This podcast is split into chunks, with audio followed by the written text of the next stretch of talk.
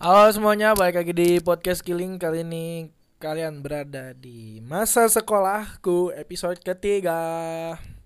Ya, uh, di masa sekolahku ini gue bakal lanjutin perjalanan uh, masa madrasah gue Di episode ketiga kali ini gue bakal cerita-cerita tentang kelas 8 gue uh, Di mana di kelas 8 ini gue banyak banget hal-hal seru yang bakal gue ceritain. Dan pastinya buat kalian yang anak-anak madrasah Sanawiyah Negeri 4 uh, banyak juga pasti kenang-kenangannya.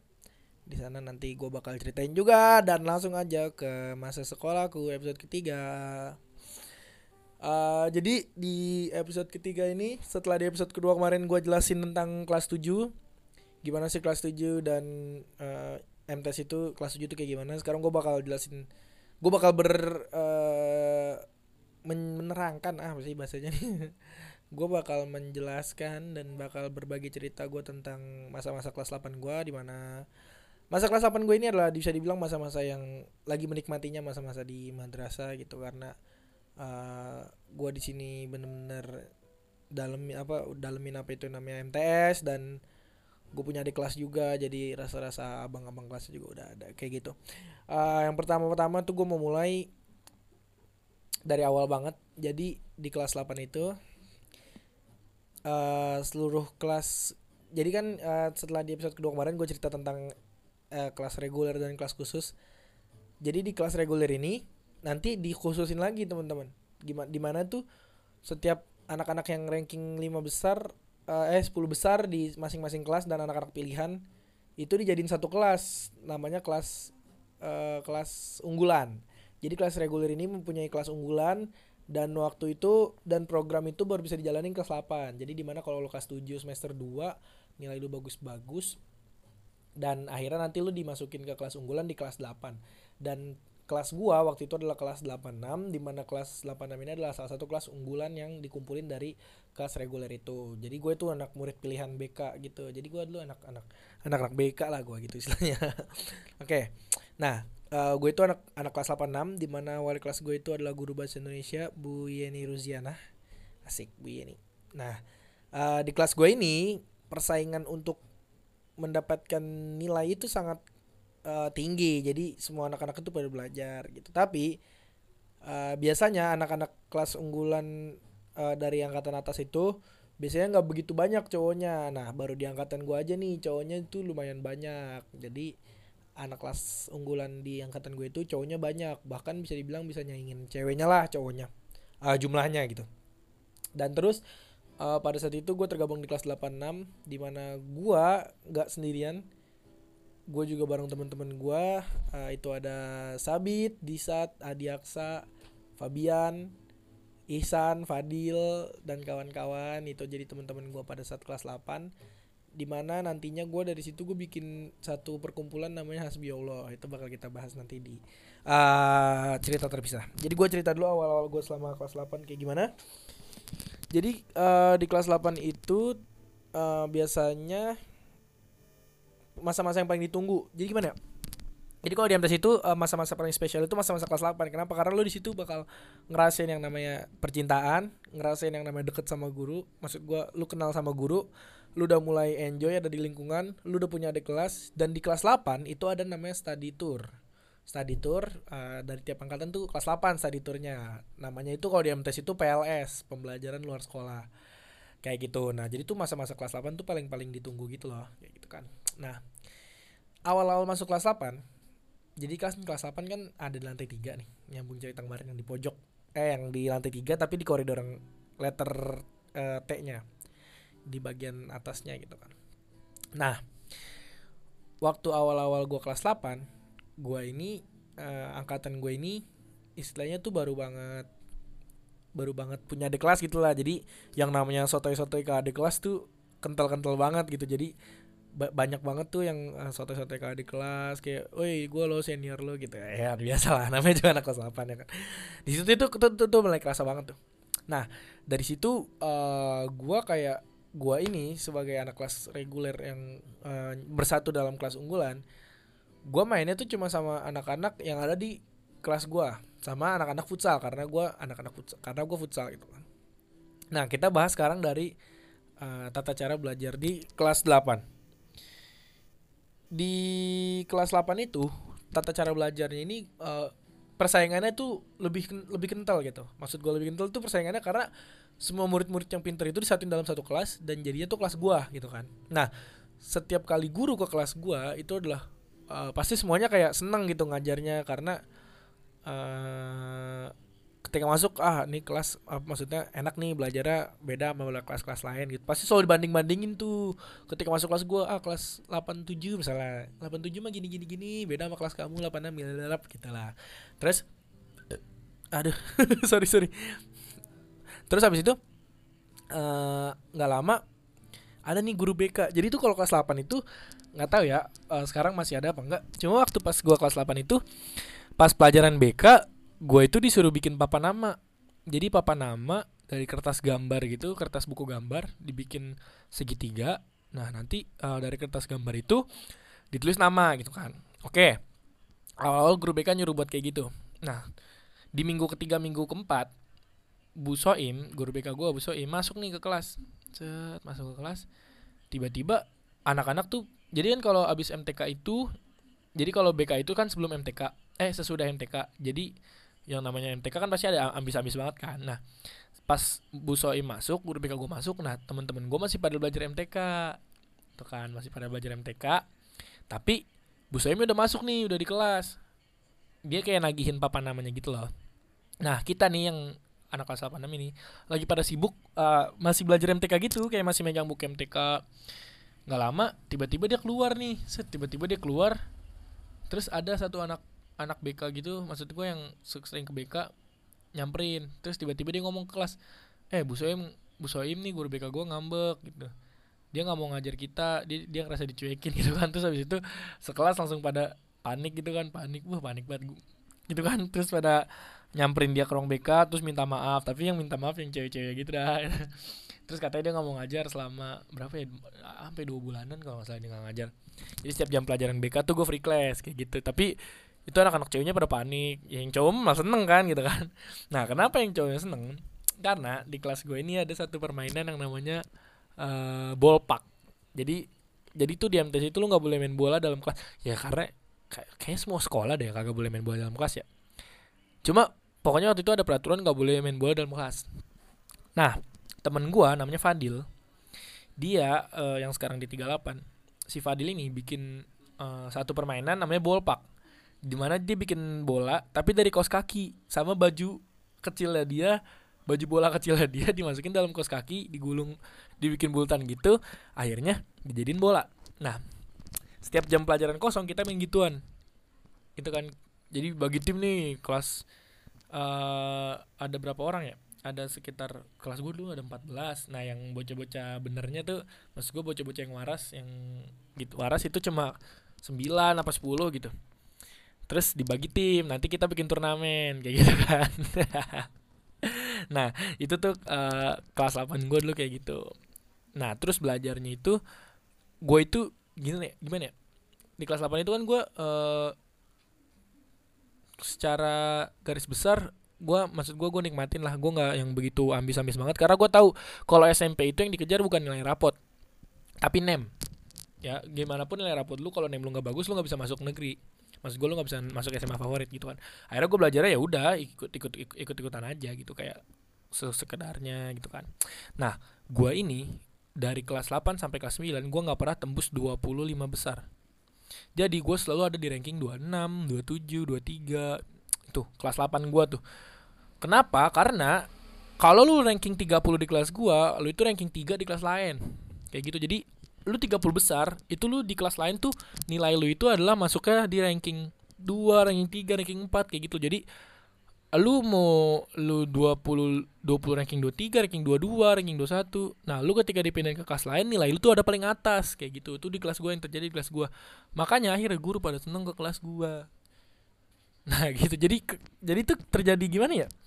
Terjadi kesenjangan gitu di mana guru pada marah-marah nih ke kelas lain ya kan maksud gue pada pada nggak mau diatur anaknya 88 gitu kan 84 tapi guru terus apa maksud gue uh, guru marah-marah marah tapi di kelas gue enggak gitu kan. Kenapa? Karena di kelas lain ya yang yang bader-badernya dikumpulin di sana gitu. Di kelas gue yang alim-alim kayak gitu.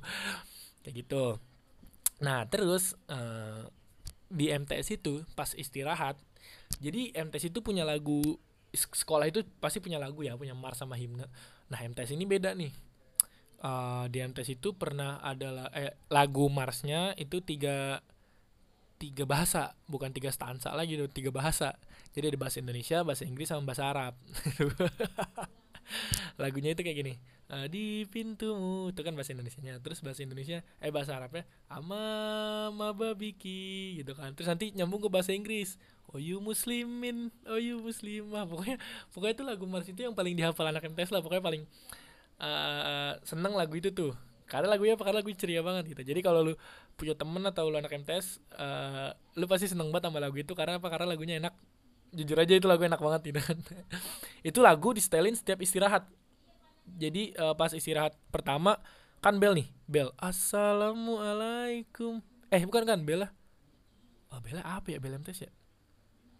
Pas istirahat tuh kalau nggak salah alhamdulillah deh. Alhamdulillah abis gitu kan lagu opik abis itu muncul tuh lagu itu.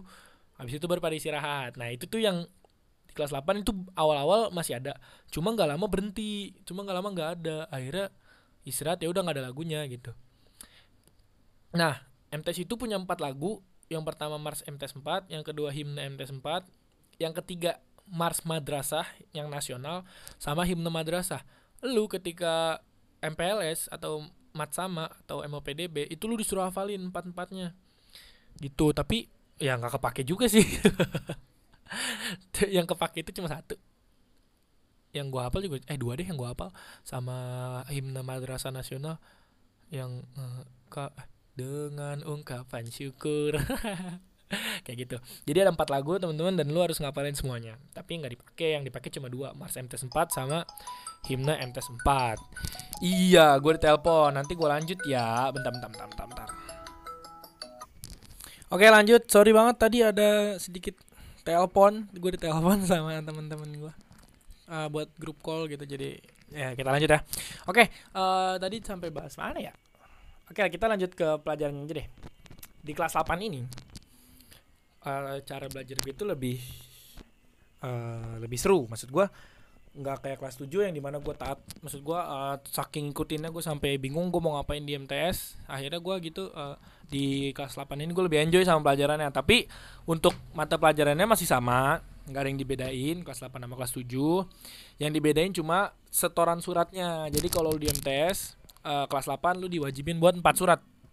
Jadi eh 5 5 surat 5 surat nah buat kelas 8 anak-anak MTS kelas 8 salah satu surat yang paling uh, kelas 8 itu uh, apa ya istilahnya ya? Jadi tuh ada satu surat di mana suratnya itu ayat 20-nya itu setengah halaman setengah halaman Al-Qur'an. Jadi ini salah satu surat ini yang bikin hafalan uh, seorang Quran itu jadi agak lama gitu kan. Soalnya kan lu minimal 5 ayat ya kan kalau di MTS. Tapi satu ayat ini tuh kayak setengah Al-Quran gitu loh. Tuh, jadi kelas 8 tuh agak-agak ribet gitu. Jadi apalagi semester pertama itu lu diwajibin buat tiga surat. Emang suratnya pendek-pendek. Maksud gua ayatnya tuh kayak tek tek tek tek tek gitu. Tapi secara keseluruhan tuh lima surat tuh banyak gitu. Jadi nanti di kelas 9 itu lu cuma dua surat.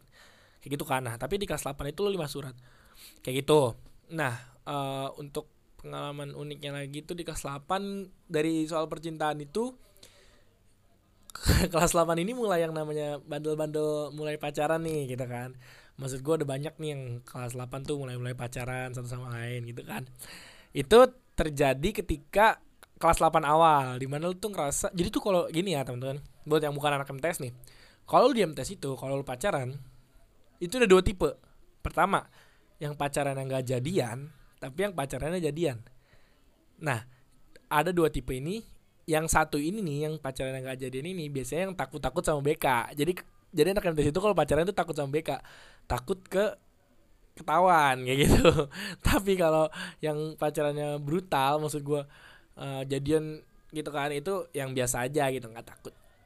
Kayak gitu itu biasanya anak MTS kayak gitu tuh anak pacarannya. Nah untuk kelas 8 kisah cinta gue itu lumayan bisa dibilang ya uh, ya sama lah kayak kayak semuanya gitu kayak mulai mulai uh, ikut ikutan pacaran ikut-ikutan juga kayak gitu. Ya sama lah semuanya juga mungkin kayak gitu. Tapi di kelas 8 ini uh, di mana gue kelas 8 gue itu mungkin yang paling banyak yang paling seru. Kenapa? Karena uh, gue ini kisah percintaan gue tuh mulai seru gitu lah pokoknya di kelas 8 gitu udah mulai mulai kenal namanya pacar. Nah di kelas 8 itu juga gue ikut osis jadi uh, di periode sebelumnya gue nggak ikut di periode kelas 8 gue ikut. Dan gue itu uh, kelas 8 itu langsung jadi ketua bidang 4 di mana bidang 4 itu yang ngurusin PPDB, MPDB, LDKS, LDK itu gue yang ngurusin. Dan gue uh, jadi ketua bidang 4 bareng sama anak-anak OSIS yang lain kayak OSIS angkatan gue nah di MTS itu teman-teman ada tradisi namanya sepatu power. Jadi itu kalau di MTS itu lu sepatu wajib banget hitam.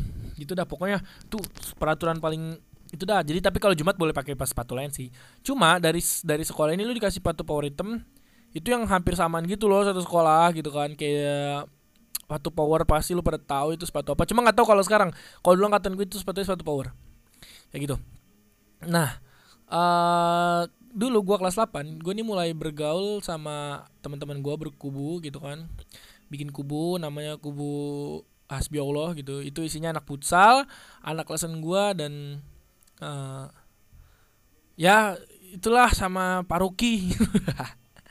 Nah gua itu punya base camp di depan ruang osis gitu. Teman-teman gua Wahyu Dilan Oji belum Oji belum Wahyu Dilan Fabian, Sabit, Adi, Disa dan lain-lain semua kita itu suka ngumpul di depan ruang osis. Kenapa? Karena mayoritas kita itu adalah anak osis. Jadi ruang osis itu udah kayak ya udah base camp aja gitu cabut ke ruang osis ini ke ruang osis ini ke ruang osis gitu loh nah di depan ruang osis sudah bangku tapi hal uniknya adalah kubu gue ini sama anak-anak ada jadi kubu gue ini rata-rata itu rata-rata itu pacaran sama anak kelas tafis anak kelas yang belakangnya tiga tiga tiga tiga gitu loh tau nggak nah anak kelas tafis ini teman-teman adanya itu bersebra eh gimana ya sejajar sama ruang osis jadi satu koridor Nah, tapi 93 eh apa 83 93 itu ada di ujung koridor, ruang OSIS ini ada di ujung koridor. Jadi itu kita kalau ngumpul tuh kayak jauh-jauhan gitu loh. Nah, geng-gengan gue ini rata-rata pacarannya sama anak-anak kelas tafis. Ketika kita duduk ketika kita duduk kita kayak saling saling lihat-lihatan gitu kan. Itu tuh pacaran-pacaran anak-anak kayak gitu tuh, lihat-lihatan dari jauh. Nah, hal yang ketika masih pacaran oke okay nih ya, masih maksudnya masih damai-damai gitu kan. Hal yang buruk adalah terjadi ketika kita ini saling apa teman-teman gue pada putus nih sama pacarnya. Set di situlah mulai konflik gitu kan. Kayak lihatnya udah mulai setajam gitu kan. Udah mulai adu adu ngomong-ngomong adu bacot gitu. Mau lewat nggak jadi kayak gitu tuh. Tuh anak anak MTS kayak gitu tuh. Kalau pacaran tuh nggak jelas sih nah lanjut. Uh, di kelas 8 itu awal awal semester kita semua uh, ada ada puasa kan. Nah di kelas 8 itu ada acara angkatan. Jadi acara angkatan pertama gua itu buka bersama buka bareng bukber. Eh makrab apa bukber dulu? Oh enggak gua makrab dulu. Jadi uh, jadi nama angkatan gua adalah Trenzolix 38 dan kita itu bikin makrab di kelas 8 nah makrabnya itu ada di seberang MTS di rumah Dinda. Kita bikin makrab. Di situ kita bikin makrab. Nah di situ adalah hal yang terjadi pertama apa maksudnya uh, hal kita yang ngelakuin sebagai angkatan bareng-bareng pertama itu di makrab itu.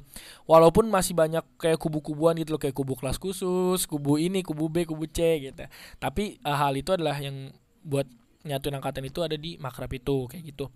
Itu uh, makrab pertama dan gue sendiri adalah sebagai ketua makrabnya yang ngejalanin makrab uh, kelas 8 gue dan bisa dibilang ya lumayan lah gitu nggak nggak buruk-buruk banget tapi juga nggak begitu apa nggak begitu bagus-bagus banget tapi bisa dibilang lumayan. Dan itu uh, ada di akun Trendzolik kalau mau lihat foto-fotonya bisa.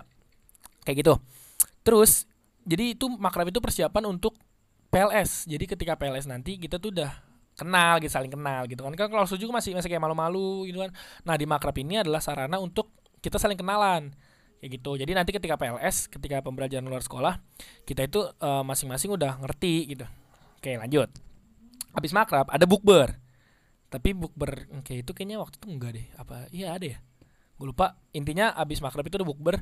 Nah di kelas 8 ini ada yang namanya PLS teman-teman. Nah PLS ini waktu angkatan gua itu kita ke Jogja kampung kampung apa namanya ya? Kampung wisata kampung wisata Kauman sama yang terakhir ke eh Magelang Jogja kampung wisata Kauman. Jadi gini gue ceritain PLS itu uh, terjadi di semester 2 di bulan Februari tepatnya tanggal 3 sampai 7 Februari gitu kan. Di hari pertama PLS itu kita ke Dieng kita ke Dieng dulu. Jadi waktu angkatan gue itu Dieng Magelang Kauman itu dusun Kauman. Terus yang terakhir baru Jogja nanti baru pulang. Nah di MTS itu teman-teman ada tradisi study tour. Nah study, tradisi study tour ini tahun lalu angkatan kakak kelas gue itu ke Malang. Ke Malang nah pas angkatan gue ini ke Jogja jadi pada hari pertama itu kita ke Dieng satu angkatan. Nah kalau MTS itu bis laki sama bis cewek itu dipisah. Jadi lu ada lima bis. Yang ini buat bis cewek yang ini buat bis cowok. Kayak gitu. Tuh ya jalan lah tuh. Kita ke Dieng. Nah di sini gue itu lagi proses PDKT gitu sama salah satu uh, temen gue di MTS nah jadi kalau anak MTS PLS itu adalah sebagai sarana untuk mendekatkan diri lu ke calon pasangan lu tuh maksud gue gitu loh maksud gue kayak lu nge PDKT nih nah, PLS tuh makin erat gitu nah waktu itu kita ke Dieng pertama langsung nyampe ke Dieng uh, itu dari dari MTS itu naik bis ke Dieng. Nah di Dieng ini nanti kita main-main gitu ke candi, nonton uh, pertunjukan, nonton apa, apa lagi ya? Lupa gue pokoknya nonton pertunjukan di, di Dieng kayak di, dikasih buku panduan nanti lu suruh ngerjain kayak gitu. Nah abis dari Dieng kita ke uh, desa desa Kauman. Lalu gue lihat dulu nih bener nggak nih gue ntar gue ngomong kayak gini salah lagi urutannya. Uh, jadi tuh ke uh, PLS ini yang paling ditunggu-tunggu sama anak MTS sama ajang sebagai pamer. Gue inget banget tuh. PLS itu adalah ajang pamer setiap angkatan. Jadi kalau lu PLS lu bakal bikin iri. Kakak kelas lu atau lu bakal bikin iri adik kelas lu kayak gitu. Tuh PLS nih habis dari oh habis dari Dieng kita ke Kawah Sikidang di Kawah. Nah habis dari Kawah itu kayak main motor trail lu beli-beli jajanan. Habis itu ke Bukit eh, Telaga Warna. Iya Telaga Warna di Dieng. Abis dari Telaga Warna kita nyampe di jadi lu jalan ke Magelang. Eh, bener nggak ya? Nggak tahu itu tepatnya di mana. Pokoknya abis dari Dieng naik bis kita ke uh, homestay. Jadi kita di sana di desa nih. Jadi kita tidurnya di rumah-rumah warga. Di rumah-rumah warga nanti lu tuh jadi lu di lu ikut nari terus lu ikut main gong lu ikut main egrang main galasin gitu gitulah nah nanti siangnya lu ke sawah ngebajak sawah gitu rame-rame satu angkatan. Setelah ngebajak sawah main di sungai. Sungainya itu uh, main di sungai kita beres bilas-bilas itulah bilas-bilas badan gitu kan. Nah di dusun Kauman ini yang paling berkesan. Kenapa? Karena di situ bener-bener seru. Menurut gue seru banget di situ. Uh, di mana zaman zamannya masih apa main di main di sawahnya itu eh main di sawah itu seru banget. Si admiral dia iseng-iseng gitu kan. Nah lanjut. Abis dari uh, kita selama satu hari di Sunkoman besoknya kita ke Candi Borobudur. Eh Candi Borobudur apa Candi Prambanan ya Tahu. Oh Borobudur dulu Borobudur. Jadi kita ke Borobudur pakai baju samaan. Lu tau gak yang tadi itu tadi itu pakai baju samaan gitu kan? Jadi itu gua ke, ke, ke Candi Borobudur itu pakai baju samaan waktu itu warna baju angkatan gue adalah biru kuning bisa dilihat di instagramnya @trenzo.lix38 di situ kita ke Candi Prambanan eh Candi Borobudur foto-foto kayak gitulah nah abis dari Candi Borobudur kita ke uh, hotel kita ke hotel nginep besoknya kita ke Candi Prambanan nah di, abis dari Candi Prambanan kita ke Malioboro baru deh nanti kita pulang kayak gitu itu PLS yang terjadi di angkatan gue Nah untuk cerita PLS ini nanti gue bakal ceritain lagi lebih spesifiknya itu sama teman-teman gue. Nanti gue bakal bawa teman-teman gue buat ceritain masa-masa PLS. Nah setelah kelas 8 setelah PLS baru dah tuh kita mulai kayak seneng-seneng terus mulai akrab sempat akrab seminggu kayak ya saling kenal satu angkatan kayak gitu. Itu itu benar-benar seru banget masa-masa PLS dan setelah itu di kelas 8 uh, eh, ada jadi di MTS itu ada pensi tahunan gitu loh. Kan. Nah buat angkatan ganjil itu dapatnya uh, pensi um, pensi yang ngundang artis. Kalau pensi ganjil misalnya lo angkatan ganjil lo dapetnya pensi luar. Nah kalau lo angkatan genap lo dapetnya pensi internal kayak gitu. Nah di angkatan gua waktu itu gua dapetnya pensi internal. Ya dan pas gua kelas 7 gua dapetnya pensi eh gua kelas 7 kan. Yang ngurusin itu kelas 8 jadi setiap kelas 8 lo ngurusin pensi. Nah waktu itu kan kelas 8 gua angkatan 37 dia ganjil. Dia ngurusin uh, pensi internal eh pensi luar. Nah pas angkatan gua ngurusinnya pensi internal. Di mana pensi itu isinya tuh kayak uh, mudarat-mudaratnya Kenapa? Karena bisa dibilang di pensi itu aja ngunjuk bakat kayak nari-nari gitu kan yang hal-hal yang jarang banget terjadi di MTS kayak gitu. Itu tuh uh, pensi internal itu yang bikin seru juga kayak gitu. Nah, gue mau lanjut uh, kelas 8 setelah itu di kelas 8 sih banyak banget liburnya. Kenapa? Karena kelas 9 gue kan lagi pada sibuk-sibuk ujian kayak gitu. Oke lanjut. Gue bakal uh, bacain beberapa pertanyaan yang udah gue submit di Instagram @killingoce buat temen-temen yang belum follow Instagram @killingoce kalian bisa follow teman-teman uh, di @killingoce di Twitter juga ada @killingoce dan di YouTube gue baru banget uh, YouTube itu di @killingoce eh di YouTube killingoce gue kemarin upload video. Dan kalian bisa tonton teman-teman untuk hashtag remaja oke yang pertama uh, ada pertanyaan dari Aurel. Hehehe. Suka duka kelas unggulan. Jadi kalau uh, sukanya itu sukanya itu gue uh, guru-guru itu pada seneng gitu sama kelas gue gitu rel. Eh rel. Iya Aurel cuma buat semuanya ya gitu. jadi suka dukanya sukanya itu guru-guru itu pada seneng gitu masuk kelas gue enak gitu kan. Teman-teman gue juga pada adem ayem gitu. Tapi tapi nggak enaknya itu teman-teman gue pada uh, gimana ya? Ambis-ambis banget. Itu tuh dukanya dukanya maksud gue ya? Gue yang tadinya mau belajarnya santai tapi teman-teman gue pada huh gitu. Jadi gue juga hanya gue ikutan gitu kan. Ya itu duka dukanya. Tapi itu bagus itu suka peduka ya? Nggak tahu sih menurutku duka ya. Terus sukanya gitu. Tapi nggak kelas uh, dan sukanya itu temen gue beruntung banget masuk kelas unggulan karena teman-teman gue juga nggak eh, nggak uh, yang seperti kalian bayangkan ya yang nerdy nerdy gitu. Nggak nggak teman-teman gue itu enak banget di kelas unggulan. Gue kelas unggulan selama 2 tahun teman-teman. Di kelas 9 gue juga kelas unggulan. Nanti kita bakal cerita kelas 9 oke lanjut. Slonong Boy Fadil. Jaki kenapa pindah?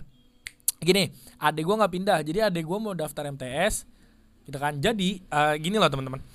Kalau lu punya kakak di MTS dan adik lu masuk MTS itu lebih mudah. Kayak gitu ya.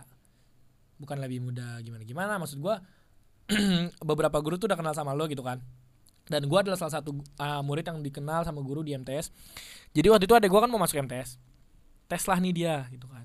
Tapi guru-guru itu pada eh, nggak uh, tahu itu adik gue gitu kan. Dia tes di tes pertama dia lolos tapi di tes keduanya dia nggak lolos. Nah akhirnya teman-teman gue taunya si adik gue ini masuknya masuk MTS tapi padahal dia nggak dia sekarang sekolah di SMP 253 gitu. Dia nggak pindah. Lanjut ke kakak rintik seduh. Halo Admiral. Kakak dulu kelas berapa? Gue dulu kelas 8 6 Tadi kan kita udah ngomong. Lanjut.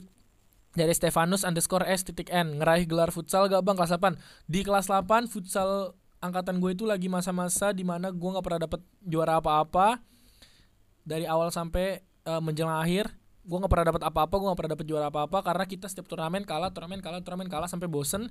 Akhirnya di akhir kelas 8 itu uh, angkatannya Keiko udah mateng. Si Nanto Keiko Uki Tompel akhirnya uh, di situ angkatan eh kelas 8 gue baru bisa juara tiga kali tuh sampai kelas 9 UN berturut-turut kita turnamen juara turnamen juara turnamen juara. Di kelas 8 itu akhir-akhir baru kita bisa metik hasilnya selama kita latihan. Kayak gitu kelas 8 gue dulu jarang banget juara cuma terakhir-terakhir dong Oke lanjut. Pertanyaan terakhir dari Rainbow aka Aning. Dia nanya review OSIS 38 jadi kita akan mereview OSIS 38 secara singkat karena terlalu menarik untuk dibahas. Jadi OSIS 38 OSIS angkatan gua adalah salah satu OSIS uh, kesayangan dari pembina OSIS gua. Kenapa? Karena cukup unik OSIS gua. Pertama kita bahas ketuanya dulu. Ketua OSIS angkatan gua adalah Fandi Muhammad. Eh enggak, bukan Fandi Muhammad. Fandi Utama Putra. adalah seorang yang sangat-sangat aneh.